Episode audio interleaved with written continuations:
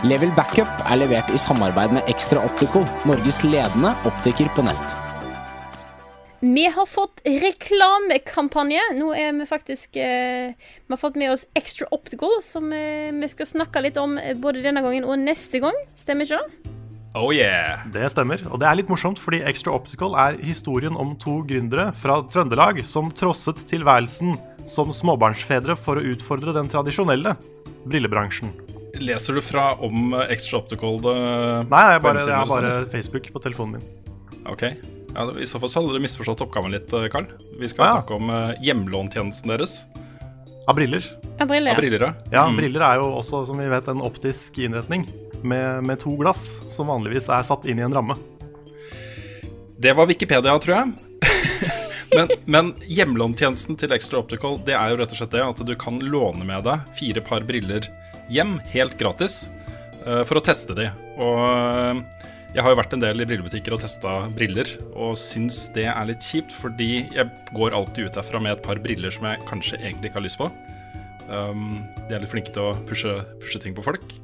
Så det har vi gjort nå. Vi har vært inne på uh, extraoptical.no og lånt med oss fire briller. Vi har ikke fått de ennå, det skal vi snakke om neste uke. Men uh, klarte dere å finne noen greie briller? Ja. Absolutt. Jeg er jo så lite erfaren med briller. Og jeg har jo ikke brukt briller fast utenom disse her eh, databrillene mine. Men jeg fikk faktisk testa noen briller til ei venninne av meg som var, jeg tror jeg var styrke minus en halv for noen dager siden. Og jeg innser at lenge, altså, avstandssynet mitt er ikke sånn som det var før. Så, eh, så jeg har faktisk sittet og tenkt at kanskje jeg skal ha med briller. Men jeg har jo ingen anelse hva briller jeg kler, så jeg måtte faktisk spørre ei annen venninne. bare sånn, Hei, jeg skal bestille eh, briller. Hva, hva trenger jeg? Så jeg har faktisk bestilt nå eh, fire briller. Bare for å finne fire ulike briller for å finne ut hva som kler meg. Sånn at jeg er klar til når jeg en gang kanskje må ha med briller. Og jeg og Carl har selvfølgelig bare bestilt fire briller med tykk svart eh, innfatning. Som er Ja, helt like de nesten. Jeg tenkte jeg skulle prøve å være litt kreativ, fordi eh, jeg aner jo ikke hva som er kult. Jeg har hatt briller hele livet, men jeg aner jo ikke hva som er kult.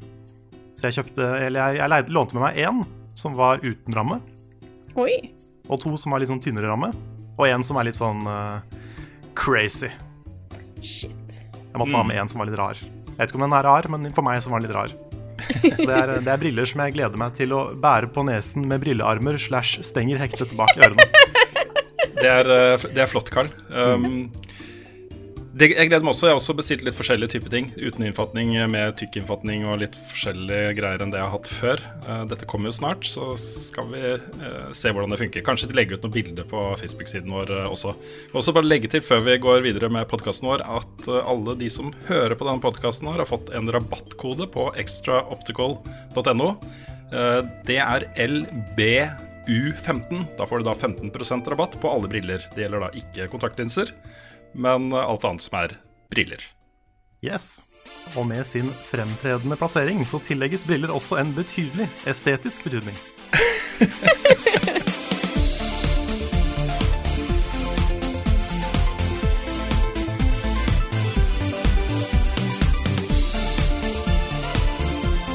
Hallo og velkommen til en ny episode av podkasten Level Backup.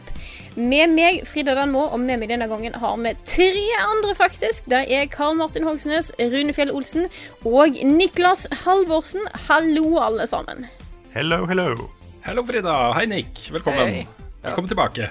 Ja, thank you. Veldig kjekt å ha, ha deg med. Jeg synes, hyggelig eh. Jeg syns du gjorde en så god jobb eh, den, uka jeg var vekke, at jeg måtte jo bare, måtte jo bare ha deg med litt ekstra. Ja, selv om du dukka opp, i, du opp i samtalen av og til. Mm. Ja, det var rart å det var. Ja, Mm, var med i som et sånt spøkelse. Weird var det. Men vi kan jo faktisk eh, være helt, helt crazy og hoppe rett inn i hva vi har spilt i det siste. Ja, vi skal ikke snakke mer om briller. Nei.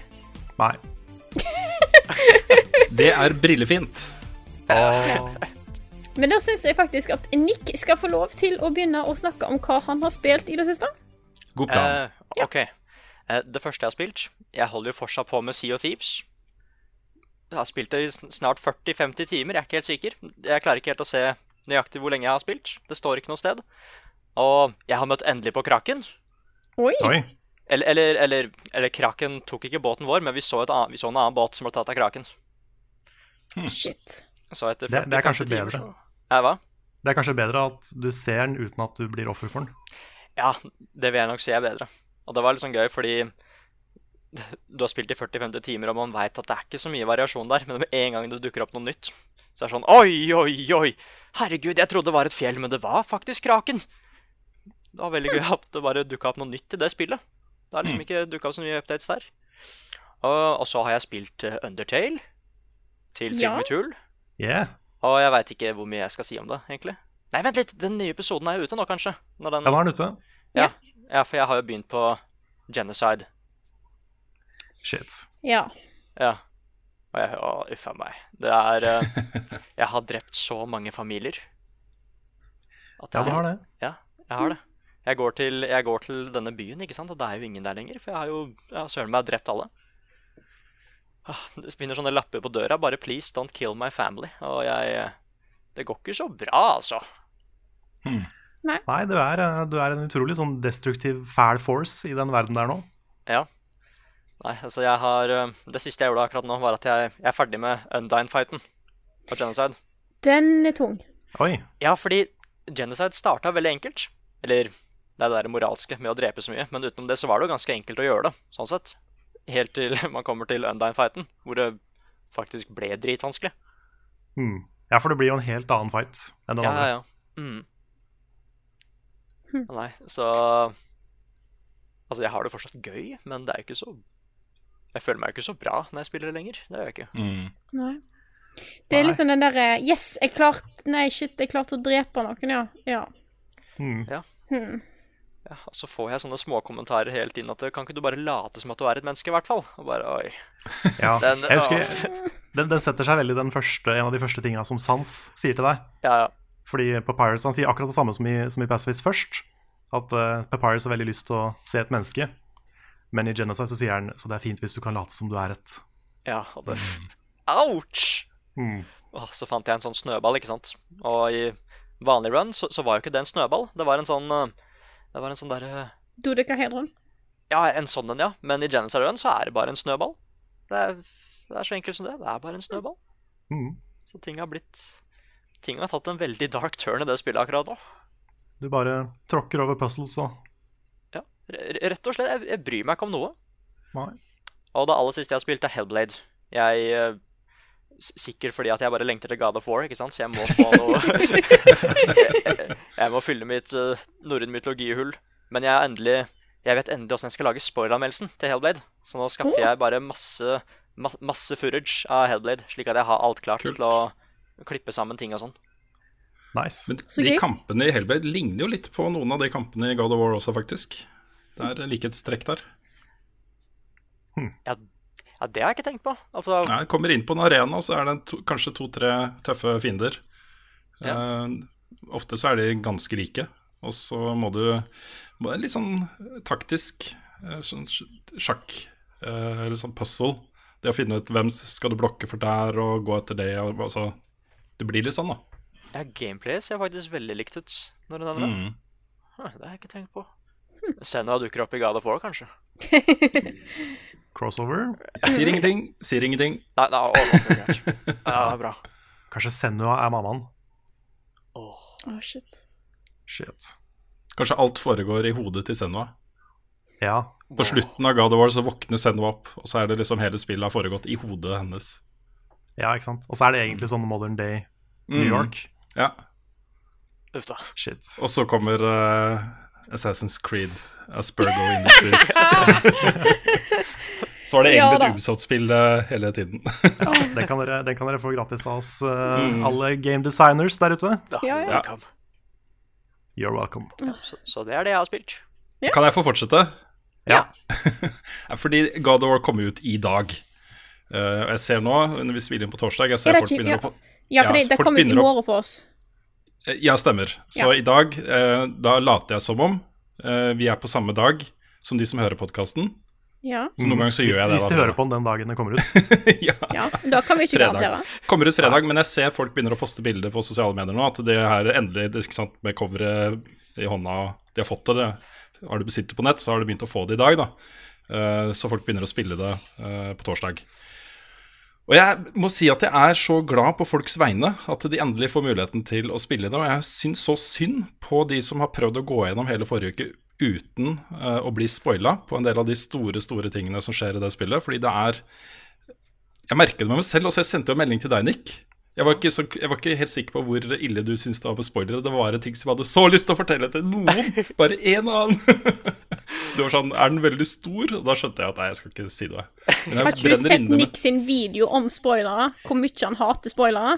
Jeg har ikke sett den videoen. Jeg har sett eh, at du har lagd den. Så Sorry, Rudi. Jeg hater spoilers. Nei, det er helt greit. Det er helt, jeg gjør det sjøl, jeg. Så jeg er kjempeglad for at jeg ikke visste noe, noe om de store tingene der. Eh, men det jeg har gjort etter, eh, også siden sist, er at jeg har jo spilt eh, gjennom Endgame. Jeg har fått platinum. Hey. Mm, det var, ikke i gang. Ikke sant? Det, var litt viktig for meg å få den platinumen før det ble lansert.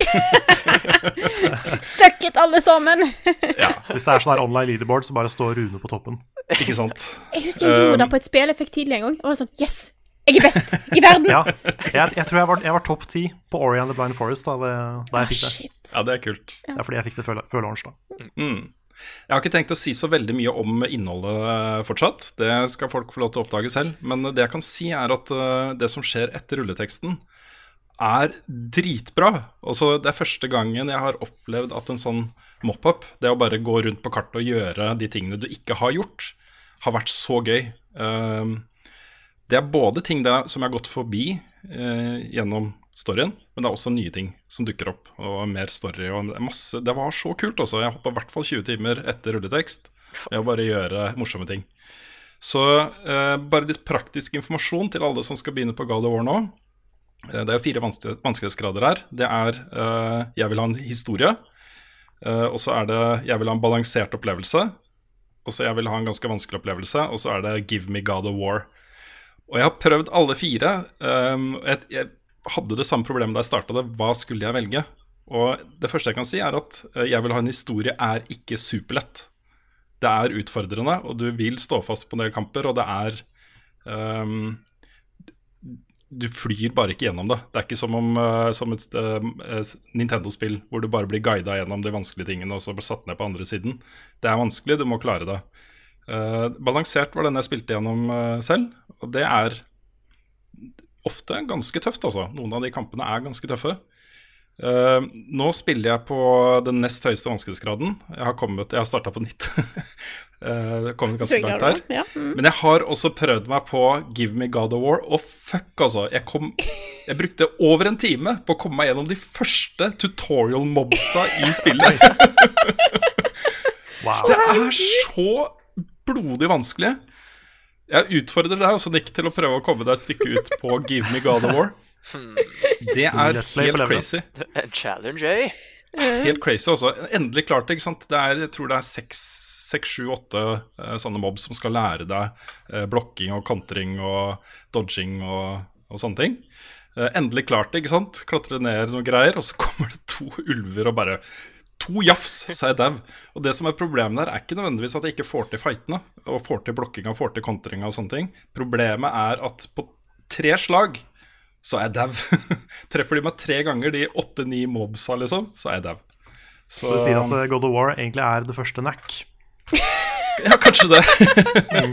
For det var sånn. Det var det. Det var faktisk veldig sånn. Åh. Uten sammenligning for øvrig, håper Ja, jeg. jeg skal ikke, jeg skal ikke sammenligne veldig, men, eh, Nei. men ja. Nei, men det er, det sånn eh, det er uh,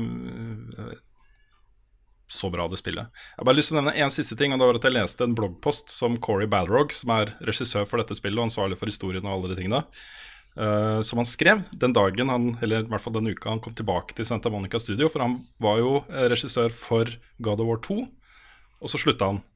Og Han skrev at grunnen til at han slutta, var ikke fordi han var lei av å jobbe i Santa Monica eller lei av God of War, eller noen ting, men han hadde en ambisjon om å bli den beste spillutvikleren han kunne bli.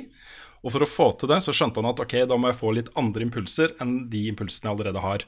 Altså Det jeg kan, er å lage spill. That's it. For å lage enda bedre spill, og for å lage noe nytt, så trenger jeg andre impulser. Så han har liksom reist rundt i verden og hengt med filmregissører og kunstnere. Han har bodd på uh, Skywalker Ranchen til uh, George Lucas. Og han har gjort masse sanne ting. Det har vært litt sånn bohem uh, i kunstneriske miljøer rundt omkring. Og har kommet tilbake med det fuckings mesterverket her også. Det er så Ja. I love it. Jeg gleder meg til å høre hva dere syns om det. Jeg håper dere Ja, Jeg- jeg gleder meg til å skal, begynne. eh, Jeg skal kjøpe det i natt. Ja, jeg òg. Jeg bare venter på posten. Ja, jeg fikk jo det her Jeg pleier jo de der fancy pressekittene vi får, pleier jeg å sende konkurrere ut. Jeg var veldig lei meg for å gi fra meg eh, Shadow of the Colossus presskittet. Det hadde jeg lyst på selv. Uh, eller hyggelig at det går til noen som blir glad for å få det, selvfølgelig. Men dette presskittet sendte jeg til deg, Dick. Ja, ja. Mm. Og, og jeg måtte spørre bare, er du helt sikker? er du helt sikker? Jeg syns du fortjente den også. Åh, nei, så jeg bare Jeg bare teller dagene. Men, men jeg har et lite problem, da. Eller et lite dilemma. Og det er fø- eh, Presskittet følger det med spillet òg? Ja da, det ligger en disk der. Å, ok, ok. Nei, fordi jeg, jeg fant jo ut for noen dager siden at jeg bestilte jo God of War fra CD-ON. Mm. For, for lenge, lenge, lenge siden. Og jeg fikk en pakke fra CD-ON i dag. Ja, ok. Ja, Nei, men da har du presskittet. Presskittet er eh, kult. Så så, så da tenkte jeg at øh, jeg, jeg, var, jeg var ikke helt sikker på om, om også hadde med spillet. Men da kan jeg i hvert fall bare sende tilbake CD-ON-pakken, kanskje, og vente på presskittet.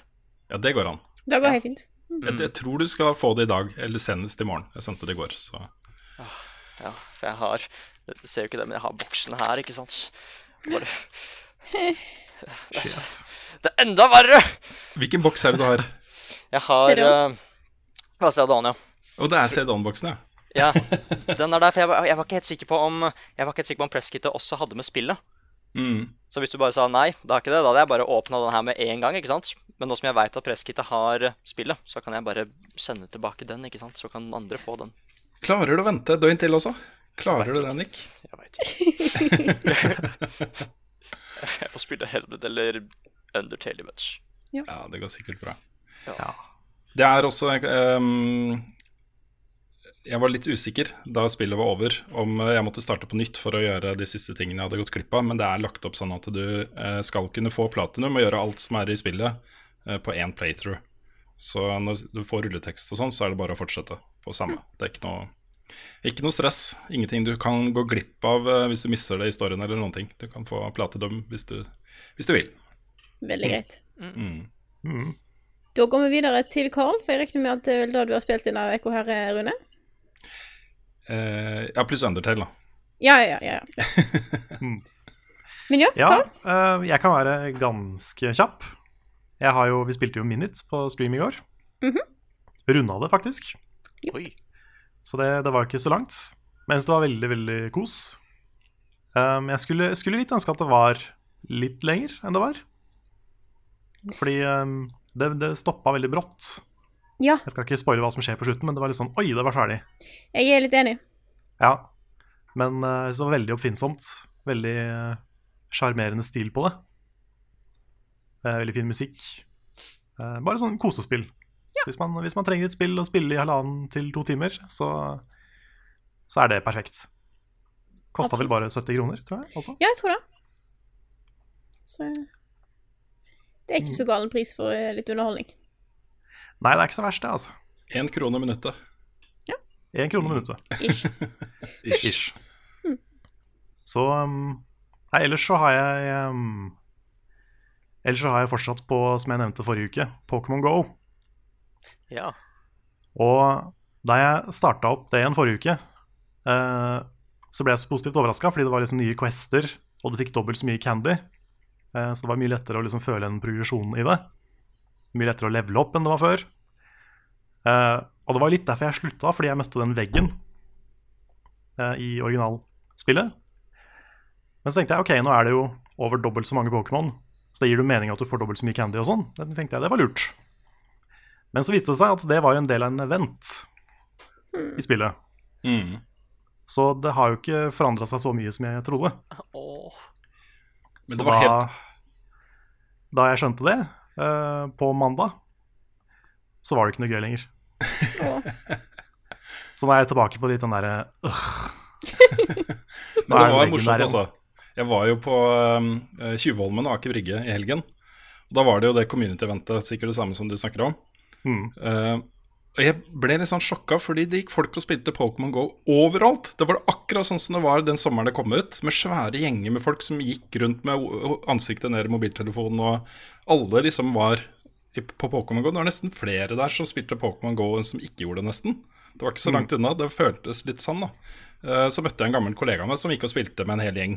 Og det han sa, var at ehm, eh, jo, han spiller fortsatt, og han spiller med masse folk som han har spilt mye med. Han kjente alle i den gjengen han gikk med. Men han sa det at det er stort sett voksne folk med jobb da, som fortsatt spiller Pokémon Go, fordi de bruker en del penger på mikrotransaksjoner eh, for å komme seg videre. Så snittalderen har nok vokst ganske mye i det spillet. Eh, og så Litt seinere kom det en annen fyr. Han gikk alene eh, og stilte seg opp for å fange en Pokémon rett ved siden av der og satt og spiste is med familien min. Så jeg begynte å snakke med han og da. Jeg kjente han ikke fra før. Eh, Men han sa det at eh, det som hadde skjedd med han, var at han hadde jo begynt å spille dette med ungene sine. Og etter at de ble lei, så var han hekta. så han bare fortsatte. Men det var litt rart å se liksom den eh, entusiasmen rundt det spillet uh, igjen, da. Og så er jo litt av forklaringen at det var et community event, så da kom de ut. Men det at det fortsatt er et stort miljø med mennesker som spiller Pokémon GO og uh, diskuterer med hverandre i forumer og over nett og sånne ting, det er eh, et lite testamente til hvor eh, stort det spillet var og er, altså. Ja, det er sant. Jeg har jo en gym rett utenfor der hvor jeg bor. Og det er jo stadig Jeg går på butikken og ser at det står en gjeng nesten utafor huset mitt og bare sitter med telefoner. Jeg ser jo hva de gjør. Mm. Så, um, men jeg, jeg merka, det er derfor jeg snakka litt om det forrige uke, at uh, det var litt flaut å være han som fortsatt spiller Pokémon GO. Så jeg var litt sånn, jeg var litt sånn uh, Litt sjenert og sånn forsiktig med å vise hva jeg holdt på med, og sånn ute ut i byen. På søndag, når det var det svære eventet, så fikk jeg plutselig omvendt problem. For da var det sånn Shit, det er så mange mennesker. så jeg, jeg tror ikke jeg kan vinne, altså. Jeg, uansett. Nei. Det er uh, There's no way. Hmm. Men uh, Nei, jeg får se.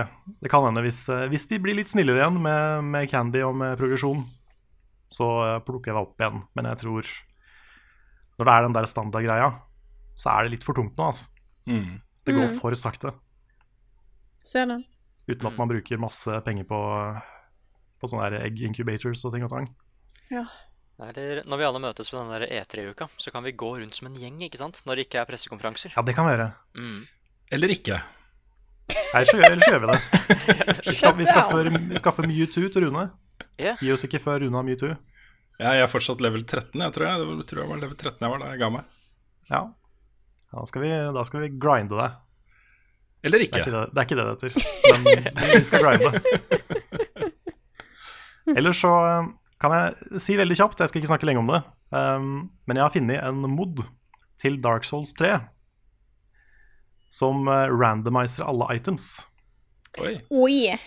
Og det var litt kult, fordi uh, jeg har jo spilt det spillet ganske mange ganger. Jeg vet jo liksom hva som er verdt å plukke opp, hva som ikke er verdt å plukke opp. Men nå ble det sånn at alle ting kan potensielt være det beste våpenet i spillet, ikke sant? Mm. Så da plukker du opp absolutt alt. Du utforsker på en helt annen måte enn i hvert fall jeg pleier å gjøre.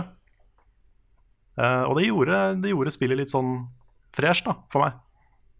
Så hvis du har et spill du spiller mye, men er litt lei av, kanskje, så er sånne randomizer mods er ganske kult, altså. Mm. Men eh, det skal sies at det blir jo mindre og mindre gøy jo lenger du kommer. Fordi helt i starten av spillet kan du få veldig bra ting, men da skjer også det omvendte, at du veldig seint i spillet får bare dårlige ting. Hmm. Ja. Så um, du savner etter hvert den der følelsen av design. At noen faktisk har tenkt på hvor ting er plassert. Mm. Men uh, i noen timer så er det gøy. Det er kult å eksperimentere litt med sånne ting. Jeg spiller jo da offline. Jeg er ikke sånn cheater som uh, prøver å ta folk i, i online mode. For det er viktig hvis man skal modde Souls. Ikke, ikke spille online, for da, da, er da jukser du. Dårlig gjort. Det er dårlig gjort, så jeg gjør ikke det. Det er bra. Men det er meg. Jeg jo kan eh, fortsette veldig kort. Jeg har uh, spilt Minit på nytt. Uh, ikke bare Det var i, i helga, bare for å liksom ha uh, Ha litt mer grunnlag for å anmelde. Det er litt sånn eh, Det føles litt feil. Sånn. Jeg har spilt spill i 70 minutter, jeg er klar for å anmelde det. Selv om jeg er ferdig med det, så jeg ville bare ta det en gang til. Eh, jeg sitter og jobber med den anmeldelsen samtidig som jeg jobber med et annet eh, innslag. Eh, og planen min var jo å nevne at jeg hadde spilt noe annet denne uka her.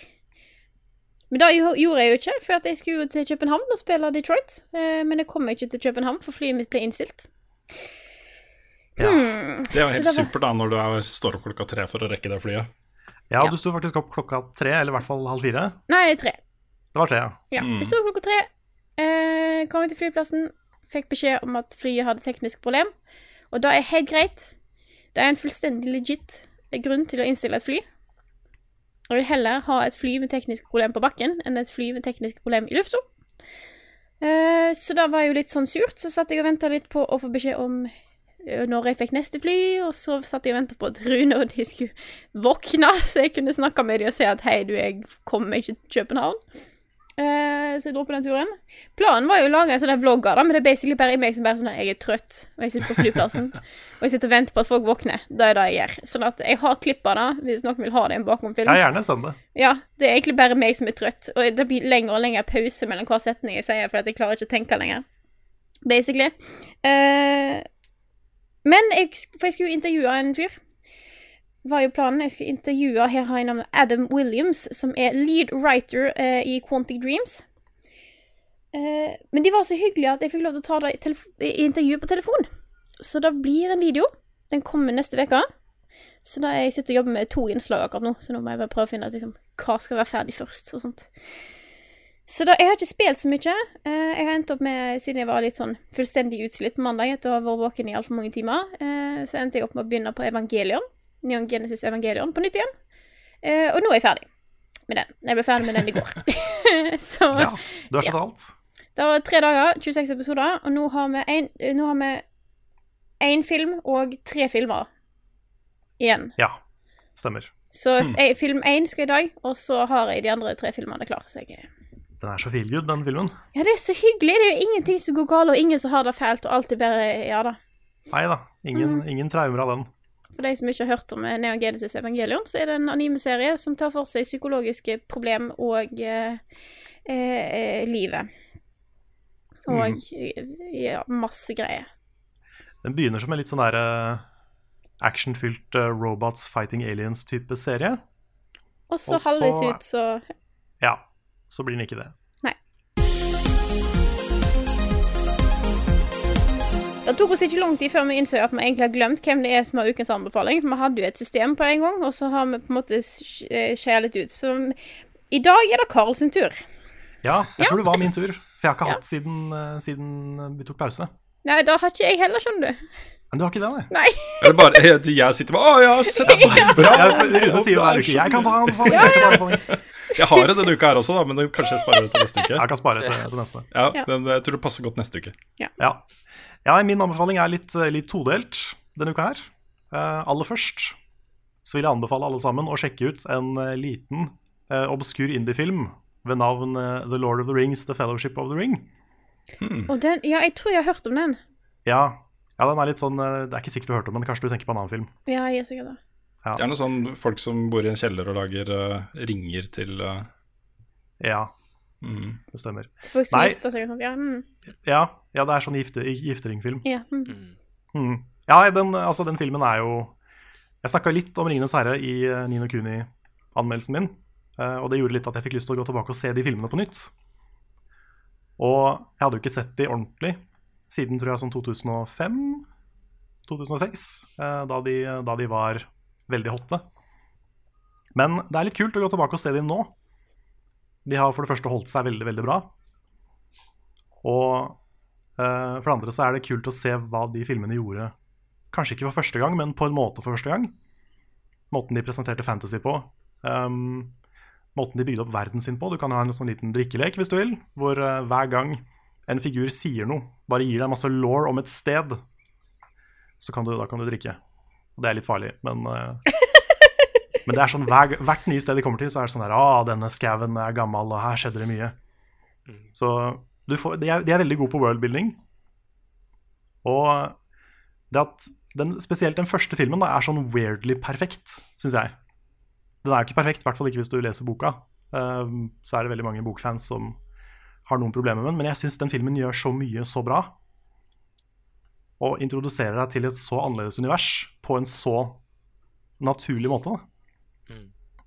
At den, eh, spesielt den første Ringenes herre-filmen, syns jeg er det, er det er noe av det kuleste jeg har sett på, på film på kino noen gang. Så anbefaler jeg å gå tilbake og, og se den hvis det er lenge siden. Um, men den andre delen er at jeg også anbefaler en YouTube-personlighet som heter Lincy Ellis. Eh, som lager mye sånne analysevideoer av film og andre ting. Blant annet mye Disney. Men hun jobber nå med en serie eh, i tre deler som tar for seg både 'Ringenes herre' og hva som skjedde med innspillinga og produksjonen av Hobbit-filmene. Og de også er veldig bra. Jeg har til og med intervjua noen av skuespillerne. For det har skjedd mye, mye grums bak eh, behind the scenes på Hobbiten-filmene. Så den er, den er veldig veldig bra, den serien. Så eh, anbefaler folk å ta et lite dykk tilbake ned i 'Ringenes herre', og i tillegg sjekke ut videoene til uh, Lincy Ellis. Jeg hørte f.eks. at eh, et av de største problemene på settet til Hobbiten-filmene var at eh, Benedict Cumberbatch nekta å gå ut av character. Han var Ja. der, bare gikk rundt på settet og var Nei, jeg tuller nå. Jeg tuller. Ja, men det var, det var mye rart der. Det skulle jo egentlig være uh, Guillermo del Toro som regisserte de filmene. Ah, ok. Så, så ble det Peter Jackson i siste litt sånn last minute. Som gjorde at ikke de fikk noe preproduksjonstid, nesten. Så det var mye, mye tull som skjedde der. Men uh, Lincy Ellis var jo uh, tidligere en del av eh, eh, Nostalgia Critic uh, Channel Awesome-brandet for noen år siden. Hun var kjent som Nostalgia Chick, som var liksom den, den kvinnelige versjonen av eh, Nostalgia Critic. Har dere hørt om det som har skjedd med Channel Awesome de Ja. siste dagene? Nei, Nei. Ah, Det, det er ikke bra, altså. Nei, det er mye greier. Det er, jo, det er jo kommet fram veldig mye greier om uh, For de som ikke vet det, så er Channel Awesome det er det nettverket som Nostalgia Critic har vært med å skape og blitt en del av. Veldig mange sånne litt sånne morsomme filmkritikerpersonligheter som er en del av det nettverket.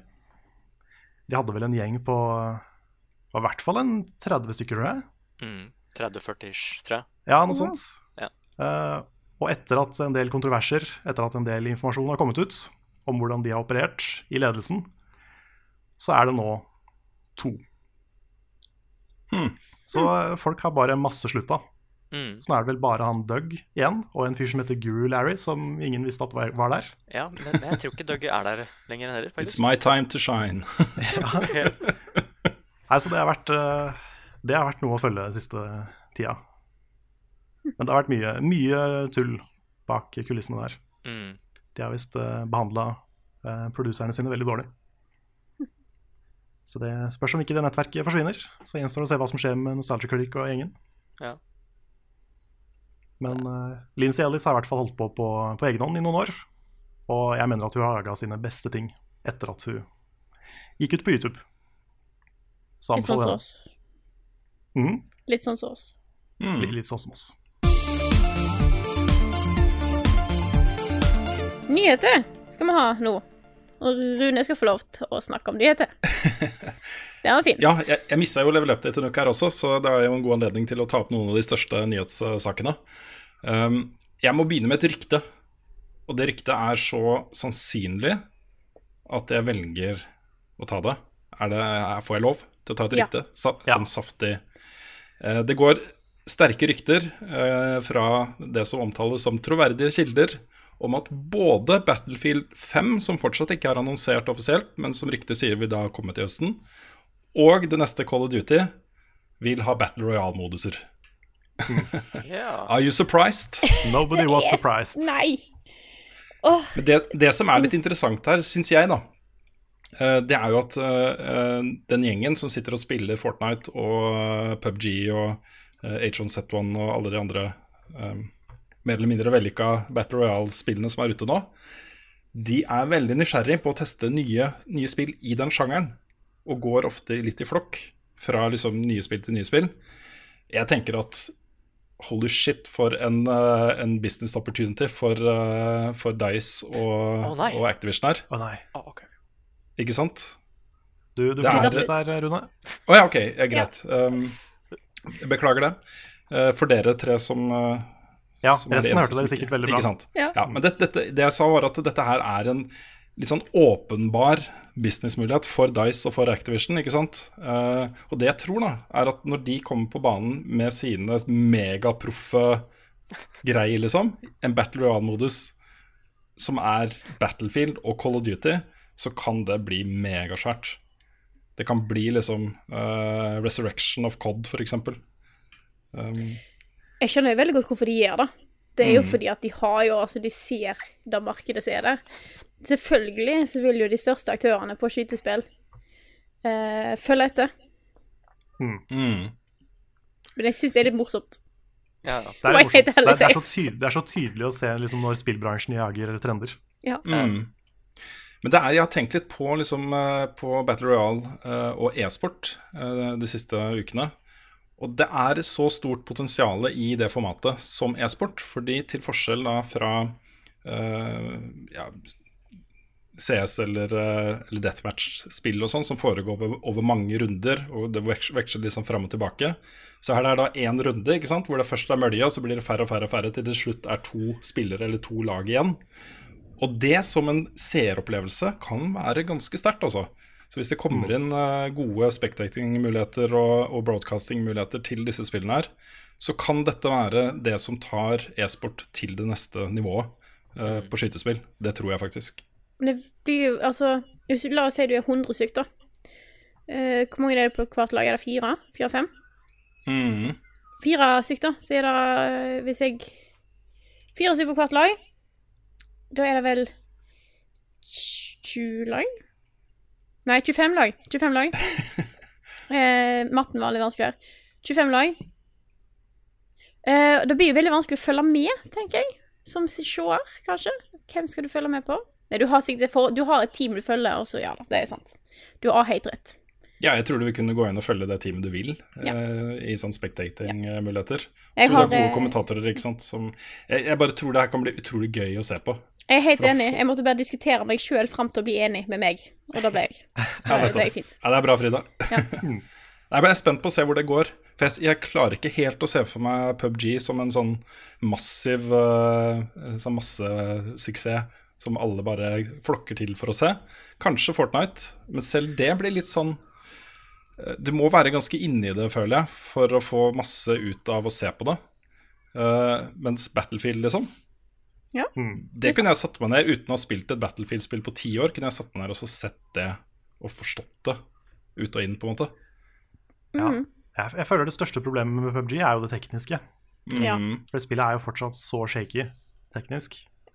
Med guns som ikke fyrer av, og lag og ja, dritt. jeg ville aldri turt å satse på å ha det som et e-sportspill hvis jeg var på en måte en, en, eh, et firma da, som skulle prøve å få opp en turnering der, fordi at det er jo så ustabilt. Mm, ja, for Få det, en, få det rettferdig, sant. Det er vanskelig. ja, for jeg, jeg har ikke sett noen sånne offentlige turneringer av PubG, men jeg har sett noen sånne, sånne YouTube-nettverk som har gjort det.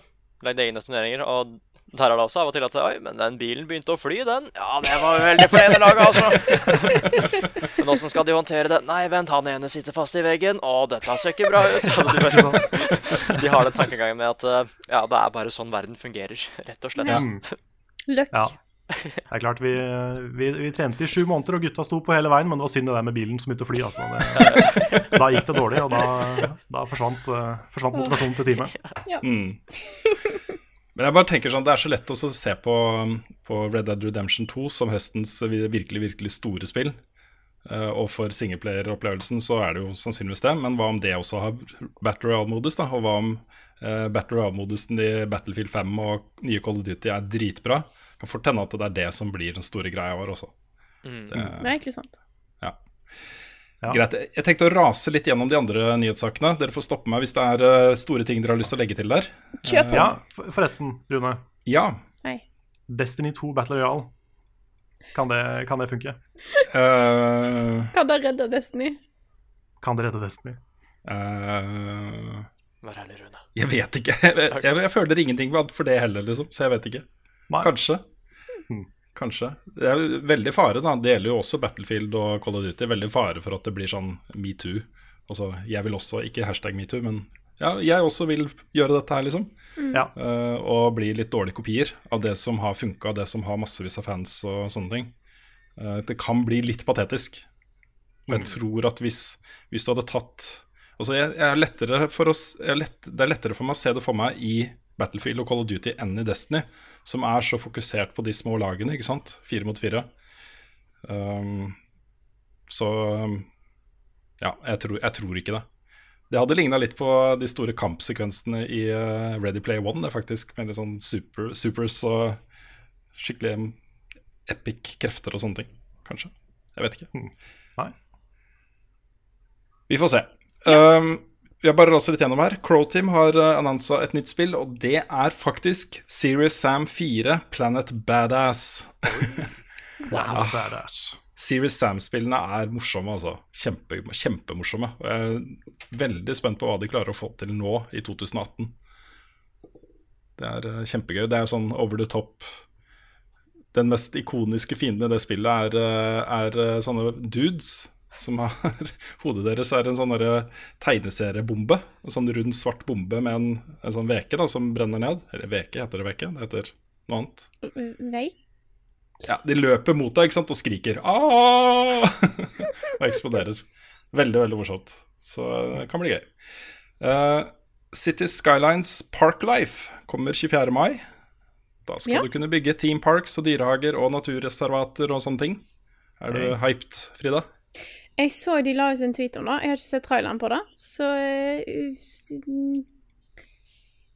Jeg er spent på å se hva jeg, Siden jeg ikke har sett traileren, så er det vanskelig å uttale meg på det. Men det jeg kan si, er at jeg liker veldig godt hvor mye de bryr seg om å legge til mer innhold til det spillet. Mm. Ja, det lever og lever, det spillet. Jeg syns det er ganske imponerende hva de har fått til uh, i etterkant der. Ja, ja, de bare kjører på med nye eh, DLC-pakker her og der. Eh, De fleste er jo betalt, men grunnspillet er jo ikke så dyrt, så jeg kan skjønne hvorfor de gjør det. Mm. Eh, Men jeg kommer nok ikke til å anmelde det, for jeg innser at eh, disse kommer jo bare til å kjøre på med nye expansion-pakker hele tida, og jeg kan ikke. Eh, Jeg har ikke tid. Det er greit, eh, Frida. Og så en trist nyhet. Dark Souls Remastered er utsatt. På På, Switch. på, Switch, på Switch. På Switch. Det er bare på Switch det er utsatt. Ja, Jeg skulle bare skremme dere litt. Sorry. sorry. Hmm? Hva sa du? Nei, Jeg ødela kunstpausen din her, sorry. Ja, det er uh, sånn også. Pokker! Nei, det går, Ja. bra. det går bra. Det går bra. Det er utsatt på Switch, men det kommer da i sommer. Uh, og ut, utgivelsen er da fortsatt i mai på de andre plattformene. Vi har sikkert ikke fått til Blighttown ordentlig på Switch ennå. Sikkert ikke. Det har jo gått en del spørsmål om hvordan i all verden de skal få det til på Switch. Så det er sikkert litt sånn tekniske framerate-problemer og sånt de sliter med, tror jeg. Optimalisering det tar nok litt tid. Mm. Ja. ja, for Det det, er det var jo problemet. Det var jo problemet med det første Dark Souls på konsoll. At Blighttown spesielt kjørte utrolig dårlig. Og Det er derfor den, det stedet har fått et veldig sånn mørkt, eh, kjipt rykte på seg. Mm. Blant annet. Det er ikke bare derfor, men, um, men også pga. performance. Så jeg tipper det er der de sliter. Det er pga. performance og bæsj. Og bæsj. Mm. Stay tuned på onsdag for masse bæsj i Dark Souls, uh, Soulmates-serien. Yes.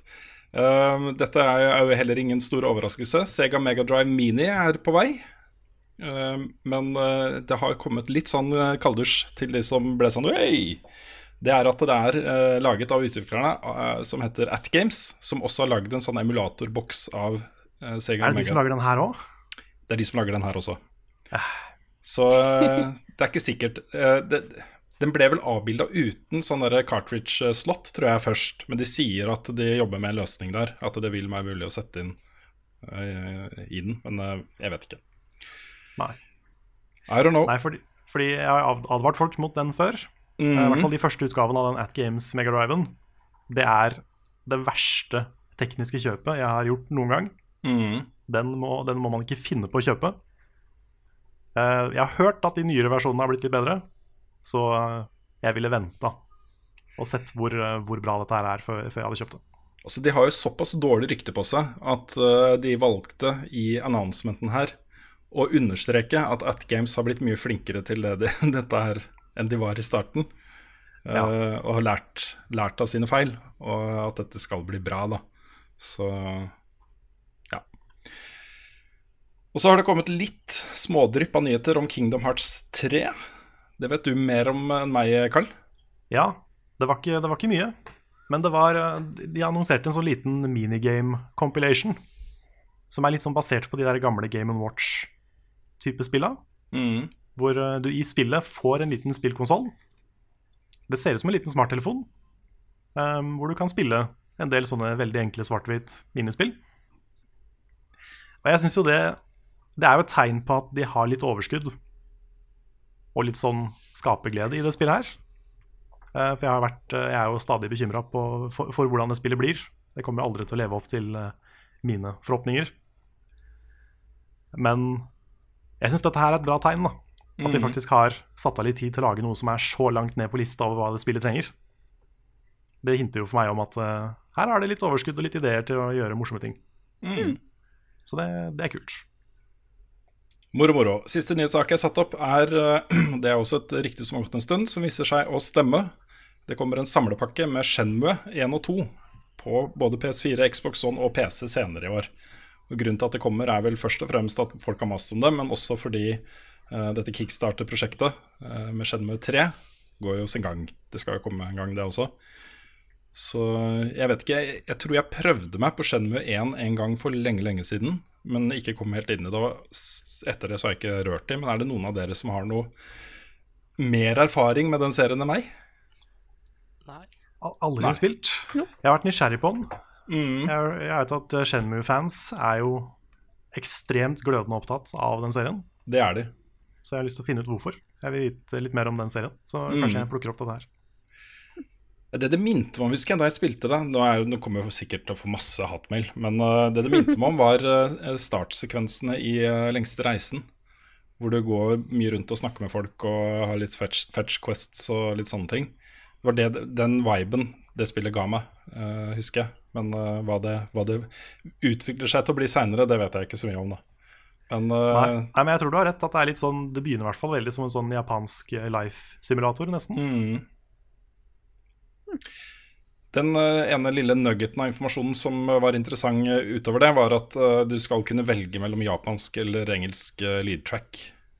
Det tror jeg også er en sånn feature som Hvis ikke det hadde vært der, så hadde folk blitt ganske sure. Det japanske tracket er visst visstnok mye, mye bedre enn det engelske i de, de to spillene. Vi skal ha spørsmål, og da begynner vi selvfølgelig med en aldri så liten vignett. Ukens. Ukens. Ukens. Ja, for nå er det på tide med ukens spørsmål, som denne gangen kommer fra Sigurd Borge Christoffersen. Han skriver Hva tror dere om fremtida til spilljournalistikk? Vil de tradisjonelle mediehusene fortsatt anmelde spill, eller kommer det til å bli mer fokus på e-sport og livestreams? Kunne vært nyttig å høre litt rundt dette temaet. Dette er et tema vi har eh, med inn på litt sånn innimellom. Nå og da. Ja. Toucher innom. Ja. Mm. Det er et spennende tema.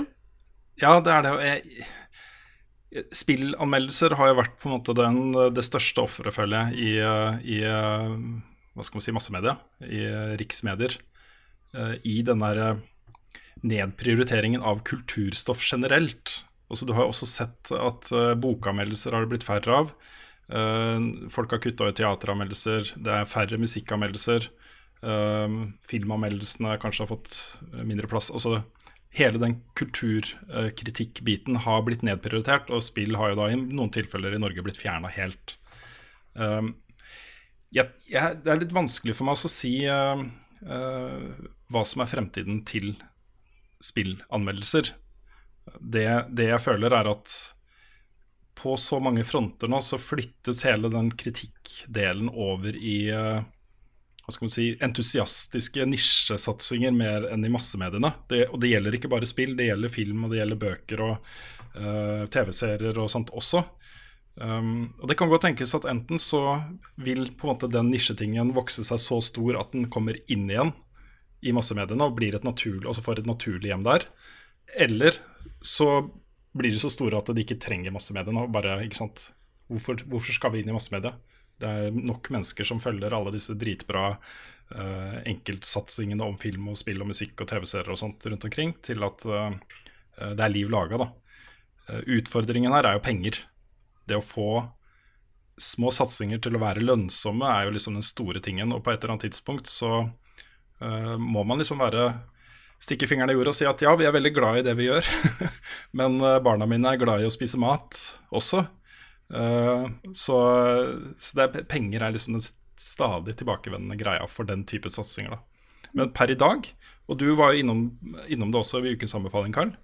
Også folk som lever av å være dritflinke på det de gjør. entusiaster utenfor etablerte medier, som bare gjør sin ting, får sin egen following og sitt eget publikum, og har det godt med det, liksom.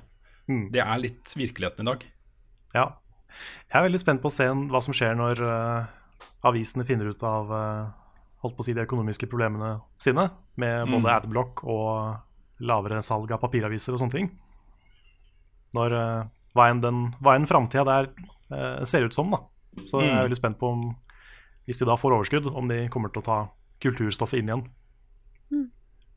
Det, nå, det her blir litt sånn business-snakk, da. Men hvis, hvis, jeg, hvis jeg satt og var ansvarlig for disse tingene i VG, så ville jeg sa, sagt at ok, vi tar den beste nisjesatsinga på spill, den beste nisjesatsinga på TV-serier, den beste nisjesatsinga på film og på bøker. Og så lar vi de være nisje, også sine egne ting, eh, men at vi lager et felles sponsor- og annonsenettverk for de tingene som allerede i utgangspunktet har potensielt det samme publikum. Altså demografisk eh, ganske likt. Eh, og sørge for å pushe folk inn fra forsiden av disse massive forsidene sine, VG-nett og eh, Dagbladet og NRK og TV 2 og sånt. Eh, og bare tar det markedet, uten at de mister nisjepreget. Det, det er, jeg har liksom litt følelsen av at det kanskje kan være den veien det går, da. Ja, for, eh, for- for min del så kunne jeg gjerne liksom Jeg kunne gjerne blitt publisert på VGTV igjen. Men uh, da ville jeg nok kanskje heller bare fortsatt å være Level Up Norge, Mm. som er tatt inn til VG, istedenfor å være en del av VG. Mm. Det er sant. Ja, det er mulig. Men det jeg håper, da, eh, den kuleste, kuleste utfallet for vår del, det er jo at vi klarer å leve på egen hånd. Eh, Og ha liksom kontorer og faste ansatte og økonomi til å drive det. Og så får vi heller gjøre avtaler med andre om publisering og sånne ting, da. Men, eh, for det er jo ikke interessant uansett. Nei. Men eh, den der friheten til å få gjøre de tingene vi mener er riktig å gjøre, er på en måte ganske vesentlig for oss nå. Så um, der har vi det bra. Han spør jo òg om, eh, om det kommer til å bli mer fokus på e-sport og livestreams og sånt. Eh, E-sport kommer da definitivt til å bli mer eh, fokus på, rett og slett av den grunn at e-sport blir større. E-sport blir større for hver dag som går. Det er naturlig at det får en større del i den mer generelle dekningen av spill. Mm. Nei, for Du ser jo tendenser til det. Både NRK og Dagbladet, som har eh, kommende spillsatsinger på gang, de har jo bare ett publikum, det, og det er unge gutter. That's it, liksom. Og da er det livestreams og Let's Plays og um, e-sport og sånne ting de går for. Det er det som, uh, som er mest fengende kanskje for den målgruppa. Men virkeligheten er jo at, uh, at vi blir jo eldre og eldre, vi som er glad i spill. Um, og det å navigere i et sånt univers av forskjellige spillsatsinger og, og prøve å finne ut hva man skal spille, hva man skal bruke tida og pengene sine på, er jo på en måte den samme utfordringa som gjelder på TV-serier og andre ting. ikke sant? Um, der har man jo en funksjon. At man uh, opererer litt som sånn rådgiver for uh, hva som er verdt å bruke tid på innenfor dette mediet. ikke sant? Så, og Den målgruppa føler jeg er fullstendig uinteressant for rikspressen i dag. Og en av hovedgrunnene til at uh, vi forsvant og Pressfire forsvant, spillsiden i Aftenposten forsvant, rett og slett fordi de ikke føler at det er en interessant nok målgruppe. Men jeg tror det kan bli det. Jeg tror det For oss er det jo det. Også det er Vår målgruppe er jo det. Mm. Eldre mennesker som er veldig opptatt av spill, det er jo vår hovedmålgruppe, ikke sant. Eh, da, da mener jeg ikke at det er de vi lager ting for, men det er de som forbruker mest Det, det er flest av de som forbruker vårt innhold. Eh, så er det massevis av yngre og eldre som er interessert også, men eh, det går jo på, på kulturbiten, ikke sant. At uh, spill er kultur og viktig. Mm. Helt sant. Jeg tror vi eh, setter strek for spørsmålet der for denne gang. Eh, Kommer sikkert tilbake til det. Kommer Ja, helt klart tilbake til det. det er jo en veldig viktig, eh, veldig viktig tema for oss. Eh, Men vi kan hoppe videre til neste spørsmål, som kommer fra Sondre en... Sondre Enten så er det Sondre Endre eller Sondre Endre Femmen. Eh, Se for dere at dere kan samle tre spillselskap for å lage et helt nytt spill. Hva slags spill ønsker dere at de hadde lagd, og hva selskap vil dere ha valgt, og hvorfor? Det var sånn type spørsmål vi fikk forrige uke som ikke vi var forberedt på. Ja. Men nå er, vi, nå er vi litt mer forberedt. Litt forberedt. Mm, Jeg har, vi har bitte eh, litt. forbereda Nei, forbedra Ikke forbereda. Forbedra rutinene våre for spørsmål eh, litt grann. Litt rann. Og også forbereda. Ja, det har vi òg. du, du, Ja, ja. du, kan, du kan si det òg, på en ja, måte. jeg kan ja. Hvem vil begynne? Jeg tror det er, jeg tror det er to, av, eh, to av oss som har eh, for, som har klare svar her, og da er Karen og Nick, så jeg tror at dere to kan få lov til å ta den, i hvert fall begynne. Ok, Skal jeg begynne? Ja. Ok. Jeg har tenkt eh, Jeg har ikke lyst til at de, de teamsa her skal krasje med hverandre. Så jeg tenkte å gi dem ansvar for hver sin ting. Så det, det jeg ser for meg, det er en eh, et action-RPG-type spill. Der eh, combaten og gameplayet håndteres av From Software. Åpenbart. Ikke overraska der. Ingen er overraska der. Nei. Um, det grafiske er Square Enix. Og historien er skrevet av Scott Benson fra Night in the Woods. Å! Jeg vet ikke hva slags spill det hadde blitt. Jeg klarer ikke helt å se, jeg har, men jeg har lyst til å se det. Jeg vil se liksom Scott Benson lage et trippel A-spill. Ja. Det hadde vært ganske kult. Yeah. Han er jo han er ikke veldig glad i svære corporations som person. Jeg følger han på Twitter, og han er, han er ganske outspoken på hva han mener om ting. Men, eh, men det har vært kult å sett resultatet av det. Mm. Så det er meg. Nick? Nei, for jeg tenkte at uh, Jeg prøvde bare å finne en liste over forskjellige spillselskaper jeg liker, ikke sant? Men det blir det der med at ja, jeg er glad i Platinum Games og Naughty Dog og From Software, og kan ikke de bare slå seg sammen og lage noe skikkelig kult, ikke sant? Men eh, jeg tenker heller med det at eh, hvis jeg kunne valgt et eh, Hvis jeg kunne valgt et spesifikt spill ut av det, så hadde det vært Naughty Dog skulle vært med. Men det jeg har veldig lyst på, er Jeg er veldig glad i en film som heter Inception. Og det var veldig mange rykter om at de skulle lage spill rundt det universet. da, Altså rundt den ideen med å gå inn i drømmer og ting blir manipulert og sånn. Og jeg tenker hvor veldig kult det hadde vært hvis Naughty Dog kunne lagd en historie rundt det med det gameplayet de har fra Uncharted i Inception-universet, da. Mm. Mm. Med at eh, ja, korridorer driver og snurrer, og så er det mye ødeleggelse, og så drømmer begynner å kollapse og sånne ting. Og hvis de liksom kan få det gameplayet fra Uncharted inn dit, og de har en flott historie, det, det kan bli bra, altså. Mm. Sånn surrealistisk uncharted. Ja, Ja, det er kult. ja så blir det en, nesten en ny IP. Ja. Det er jo fortsatt kunne, Inception, men eh, Ja. kunne nesten gjort det med Doctor Strange også. ja. Fått litt det samme. Det hadde vært skikkelig trippy, men det hadde vært veldig kult. Så, så, så jeg, kan si, jeg kan si Uncharted og Nei, Uncharted, sier jeg. Naughty Dog og, og Inception-folka. Inception-folka, yes. Og Christopher Nolan. Bare, bare slå dem sammen. Jeg kom på en eh, mens dere snakka. Et um, Et Legend of Zelda-spill med grafikken fra Guerrilla Games. Altså Heavy, ja, hva Heavy Rain, sier jeg. um, Horizon. Oh, wow. Altså, Guerrilla Games er ansvarlig for grafikken. Um, Nintendo, Nintendo er ansvarlig for gameplayet. Og historien er skrevet av Suda51. Oi. Ha. Ja.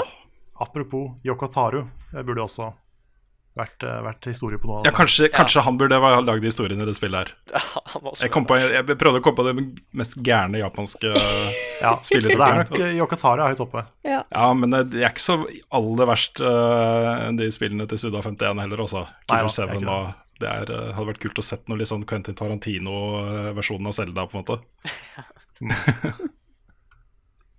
Åh, kan, jeg, kan jeg ta en til? ja, det Ja. kan du. Kjør på. En oppfølger til Heavy Rain av um, Av Kojima. Oi! Oi, oi, oi. Ja, men det er ikke en så dum idé. Nei, Det er en ganske god idé. Det hadde også vært morsomt å sånn litt tilbake til den du uh, snakka om, eh, Karen. Å se liksom noen av de indie De som kompromissløse indie-folka håndtere Triple A-ting. Det tror jeg Der kunne det skjedd mye kult, altså. Tenk deg Jonathan Blow eh, i et eller annet eh, big budget-greier. Han hadde jo blitt uvenner med alle på teamet, inkludert Ja, de, som, de som henter kaffe og kommer med mat og, og sånt til lunsj. Mm. Men det kunne blitt bra, altså. Ja, jeg tror ikke det er en eneste person på det teamet som ikke hadde hata han. Nei, det tror ikke jeg heller. Nei. Jeg tror at jeg har tenkt til å jeg, Eller jeg tror, jeg vet Jeg har tenkt til å gjøre en helt crazy ting nå. Og da jeg først ber dere komme med spørsmål, så kan jeg fylle på etterpå med ut ifra hva time har.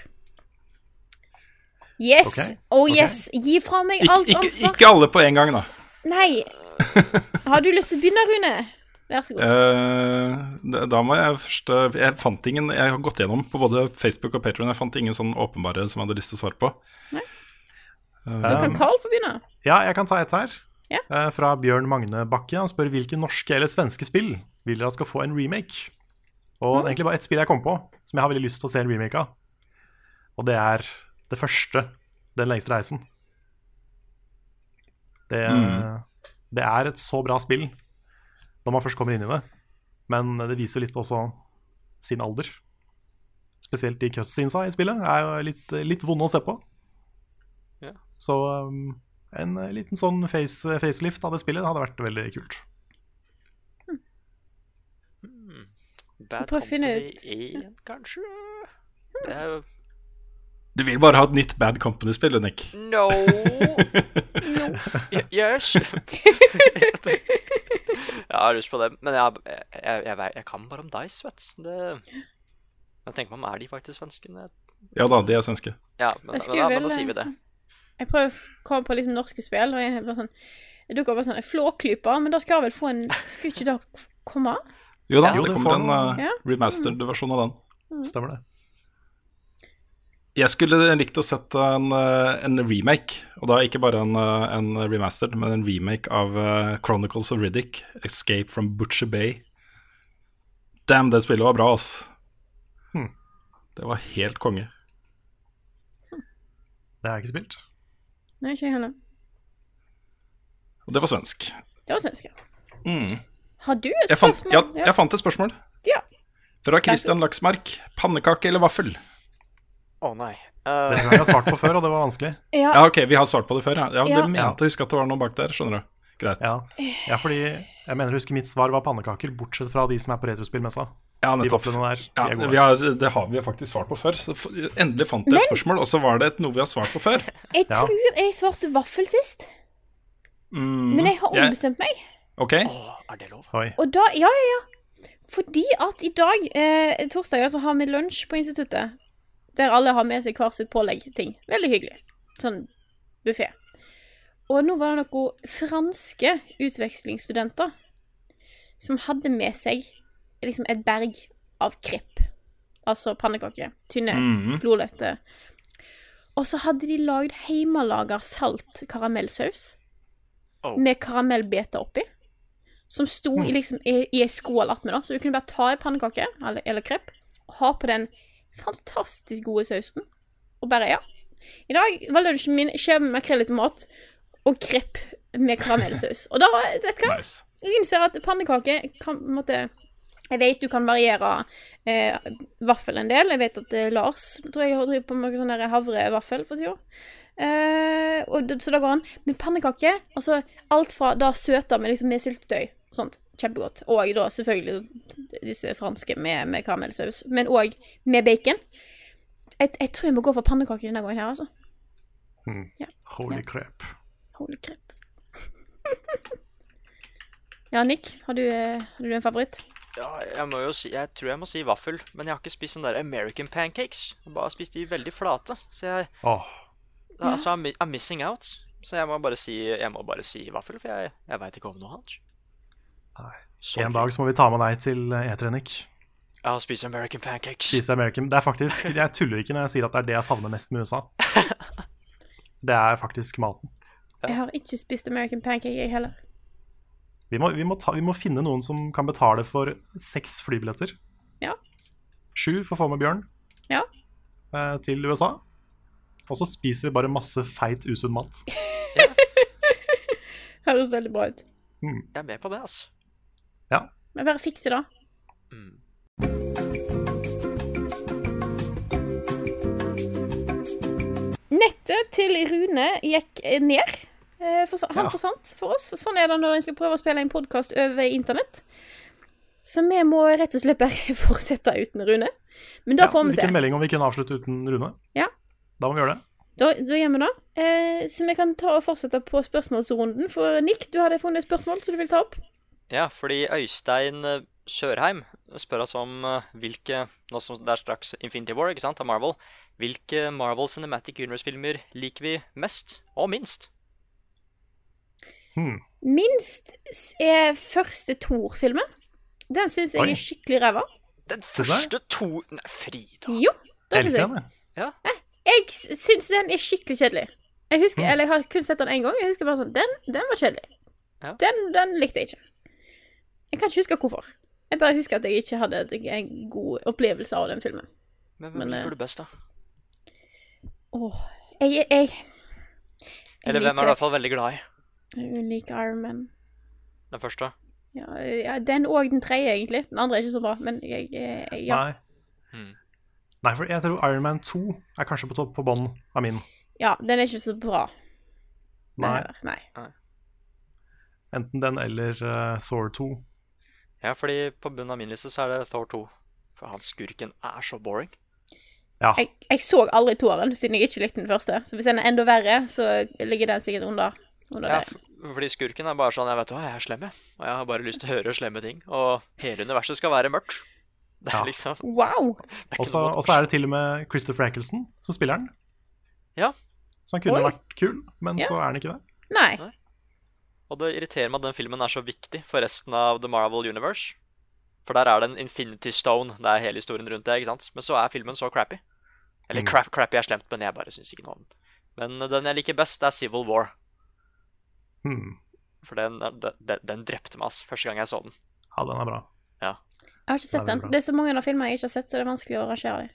Mm, og, og der syns jeg Jeg syns den beste skurken i Marvel er der. Simo. Hmm. Jeg tror for meg så er det likt mellom eh, første Avengers og Black Panther. Det kan hende det er fordi det er den siste jeg så, Mm. men jeg syns den var veldig, veldig bra. Har den ferskt i minnet. Ja. Men første Avengers var dritbra. Ja, ja. Ja, men da er Ja. Sa du din favoritt, Nick? Ja, det gjorde du. Sånn var. Eh, ja sure. Ja, jeg er Sorry, jeg datt litt ut der, jeg. Eh, ja. Skal vi, skal vi ta et spørsmål til? Ja. Ja. Vi kan ta et sånt spørsmål som er vanskelig å, å svare på med en gang, men nå, nå er vi nå er setten i gang, så det er Simen Longva som spør om du skulle spilt et spill slash spillunivers igjen, men fra et nytt perspektiv, eller med en ny hovedperson. Hva ville du tatt? Åh, det, er... det første jeg kom på, er jo Near Automata. At jeg hadde, det hadde vært gøy å spille som Det er en karakter som heter Emil. Og da er det veldig gøy å spille historien fra hans perspektiv. Mm. For han er jo også fra de originale Fordi Near Automata er jo en oppfølger til det første Near, og han er jo en karakter derfra. Så det hadde vært veldig gøy å liksom bare se historien fra hans perspektiv der, da. Mm. Han, han har vært der siden the beginning, ikke sant? Så det er den første jeg kom på akkurat nå. Jeg kom på litt sånn fordi at jeg liker universet, liker karakteren. Eh, spill som Rosalina i Galaxy. Mario Galaxy. Ja. Mm. Det hadde vært noe. Mm. Lag den eh, gått fullt ut på den eh, mørke historien som er der. Hmm. Ja. Um, det er kanskje litt en juksesvar, men det er kult å spille Undertale som Sans. Åh, ja. Eller Gaster, for den saks skyld. Det er sant. Gaster. Yes. Jeg Yes. gleder meg til vi skal snakke om det, altså. Ja, vet jeg hvem det er? Gastro? Nei, ikke. He-he, nei. Nei. Du, du Vi kommer til det, så det, Ja. det var en teaser til neste Full med hull, som, eh, Yes. som ikke har kommet ut ennå. Men jeg lurer litt på om vi kanskje skal ta en runde av, siden Rune er forsvant, og litt sånne ting. Ja. At det blir en litt sånn Litt kortere podkast i dag. Han er jo fortsatt ikke kort, vi er jo fortsatt godt over en time. Eh, men at vi, at vi gir oss der. Hva sier Ja. dere? Vær, helt, vær litt sprø? Vær litt, vær litt Ja. klin gærne. Er vi crazy? Vi kan ta et, vet du hva, vi tar, nå, er jeg litt, nå er jeg litt crazy igjen. Enda litt Oi. mer crazy. I dag er det bare helt, eh, helt sprøtt. En bare- double cross. Ja, ja, det, altså, her er det bare helt Men nå er problemet jo da at eh, jeg skal ta opp et, et spørsmål som jeg hadde glemt å skrive ned. Hvis jeg bare, hvis jeg bare sånn drar ut litt tid og sånt mens jeg trykker inn på her, og så gjør vi litt greier, og så var spørsmålet Å. Det var Jan Osmund Åre Skjold spør hva er planen deres for E3. Og da har vi fått et par uker nå, så jeg tenkte kanskje vi kunne ta det opp bare sånn Gjøre det helt enkelt, bare så vi har svar på det, så folk får hørt om det. Vi gjør det samme som i fjor. Det gjør vi. Men denne gangen med kanskje to kamera og aircondition. Ja. Og kanskje en sofa. Ja, og kanskje Og, sofa. kan, og kanskje sånn halvsirkelbord. Og kanskje halvsirkelbord. Ja. Litt sånn her quality of life changes. Mhm. Så det blir lettere å diskutere ting, prate sammen. Sånne ting. Men det blir fortsatt McDonald's midt på natta. Det gjør det. Det blir sannsynligvis Cards Against Humanity midt på natta. Kan godt hende. Ja. Så det, det, blir- det blir en, en eh, Og så blir det penneleken. Det blir så sykt penneleken. Mm. Må jo prøve å finne på penneleken 3.0 nå. Ja. Ja, ja. Nye rules. New rules. Vi får se. Mm. Eller 2,22. 2,22, ja. jeg kan ikke tro at det, noe av det jeg glemmer mest til på E3, er ikke konferansene. Bare å være med the gang. ja. ja. Bare henge og være hyped. ja. Ha det kos. Bare yes. Mm. Så det er planen for E3, egentlig. Det er planen. Kanskje en dag får vi tatt med gjengen til USA, men eh, det blir ikke i år, altså. Til, dra til USA og spise pannekaker. Ja. Det er planen En ett år. Ja. Vet ikke hvilket år, men ett år. Ja, vi fikser Bare- det, vet du. Hvis noen har masse penger som de bare har liggende en eller annen plass, bare ikke vet hva de skal bruke på Ja. Eller bare gi, har har kan- noen flybilletter til USA sånn fra eh, i- juni en uke. Og så Bare kan yes, her, de ligger bare og støver ned. For tenk, da kan du gi Nick muligheten til å spise amerikanske pannekaker. Ja, så, Yes. så du bør egentlig se på det som en investering, da. Ja. Mm, I Nicks fremtid. Ja. Og Nicks mulighet til å svare på spørsmål om vaffel versus pannekake. Ja, Ja. Jeg hater å bli satt på on the spot på akkurat de greiene der. Så det Ja. Ah, nei, så det har vi da. Men eh, da tror jeg egentlig at vi litt sånn eh, enkelt her tar og runder av. Men da må jeg først og fremst si tusen takk til alle som støtter oss på Patron. Dere er de beste folka. faktisk. De beste. Ja. yeah. Så, eh, så dersom du er Dersom du liker det vi lager, og, og kanskje har lyst til å gi oss muligheten til å dra til USA på E3 eller et eller annet, så er det bare til å støtte oss på Patron. Eh, så da tror jeg bare jeg må takke for oss. Eh, gi en sånn ekstra takk til sånn, eh, Takk for, for Rune, som var her i stad. Sånn at vi har gjort takka på hans, hans vegne. Eh, og takk til Nick, som ville være med denne gangen. Det var kjempekoselig å ha deg med. Ja, bare hyggelig. Du er hjertelig velkommen når enn du vil. Ja, det er gøy. Da skal jeg prøve å dukke opp litt sånn av og til. Det hadde vært kjekt. Yes. OK, så da får jeg egentlig bare si takk for oss. Takk for at akkurat du hørte på denne episoden av Level Backup, og så snakkes vi igjen neste uke.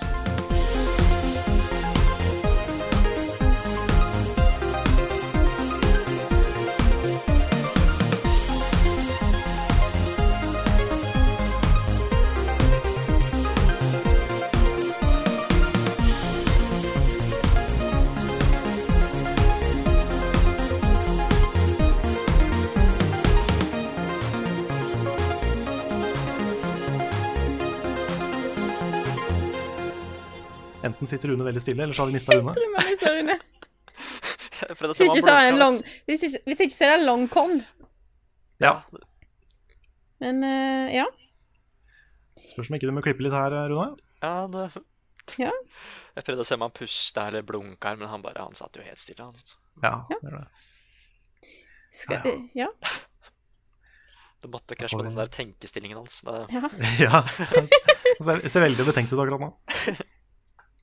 Men jeg, han må klippe her, regner jeg med, eller skal vi Ja, jeg tror det. For jeg Vi tenkte jeg skulle bare spørre om eh, For jeg ser Oi, der forsvant ja. Rune. Eh, jeg tenkte jeg skulle spørre om, for vi har fått et spørsmål angående uh, spillet Frostpunk. Jeg vet ikke om dere har sett den videoen?